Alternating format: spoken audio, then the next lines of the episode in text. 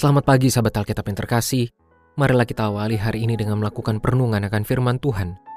Bacaan Alkitab kita pada hari ini berasal dari kisah para rasul pasalnya ke-22 ayat 11 sampai 16.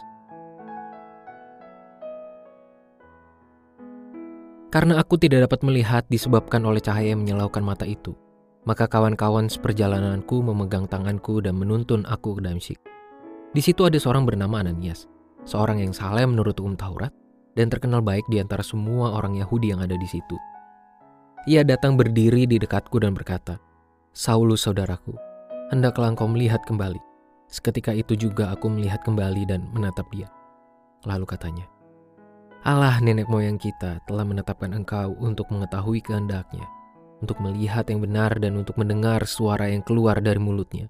Sebab engkau harus menjadi saksinya terhadap semua orang tentang apa yang kau lihat dan yang kau dengar. Sekarang, mengapa engkau masih ragu-ragu? Bangunlah, berilah dirimu dibaptis, dan dosa-dosamu disucikan dengan berseru kepada nama Tuhan. Segala hal yang terjadi kepada Paulus dalam bacaan hari ini tidak hanya menunjukkan adanya pemulihan fisik pada dirinya. Dari yang sebelumnya tidak dapat melihat menjadi kembali melihat, melainkan juga hadirnya pemulihan secara spiritual. Pandangan dan pendengaran iman Paulus yang tadinya tidak dapat melihat dan mendengar sang kebenaran, kini telah mengalami perubahan.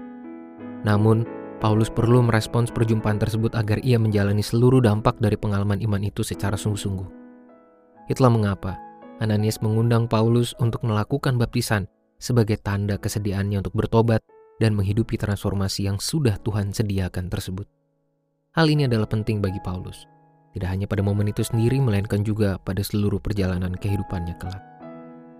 Sahabat Alkitab, kisah pengalaman iman Paulus ini beserta respons baptisan dan pertobatan yang ia lakukan merupakan contoh konkret bahwa hubungan iman antara umat dengan Tuhan adalah dialog dua arah yang saling merespons. Tuhan menyapa kita melalui beragam cara dan bentuk di tengah situasi dan kondisi yang bisa saja sangat tidak kita duga. Kita pun perlu memberikan respons atas tindakan Tuhan tersebut sehingga hubungan iman itu pun menjadi komunikatif dan saling menanggapi. Respons dari umat merupakan tanda kesediaan kita untuk menerima, mendengar, dan menghidupi suara Tuhan.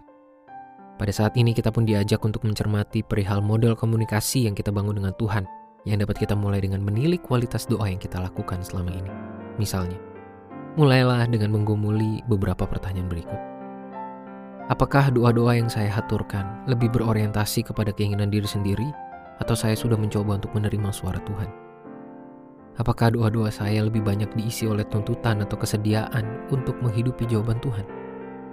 Apakah doa-doa saya masih berorientasi untuk kenyamanan diri sendiri, atau sudah memberikan cukup ruang untuk mendoakan kesejahteraan orang lain? Lalu, apakah ada suara Tuhan yang telah saya dengar, namun masih saya abaikan hingga saat ini? Marilah kita berdoa. Tuhan terima kasih untuk setiap kesempatan, untuk setiap akses bagi kami boleh mendengarkan suara Tuhan, termasuk pada saat ini ketika kami boleh membaca dan merenungkan firman-Mu. Tolong kami Tuhan untuk selalu merespons suara dan bimbingan Tuhan. Jangan biarkan hidup kami justru kami isi dengan keegoisan, kebebalan hati, keangkuhan. Tolong kami Tuhan menjadi umat yang selalu merespons yang memiliki kepekaan terhadap suara dan panggilanmu. Hanya di dalam nama Tuhan kami Yesus Kristus kami berdoa dan menyerahkan kehidupan kami. Amin.